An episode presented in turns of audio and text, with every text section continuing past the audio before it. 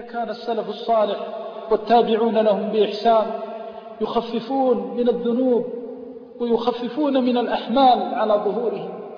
حضرت الوفاة رجلا صالحا فاجتمع أبناؤه وأولاده فقال يا أولادي سلوا جاري أن يسامحني في حقه قالوا وما حق جارنا عندك؟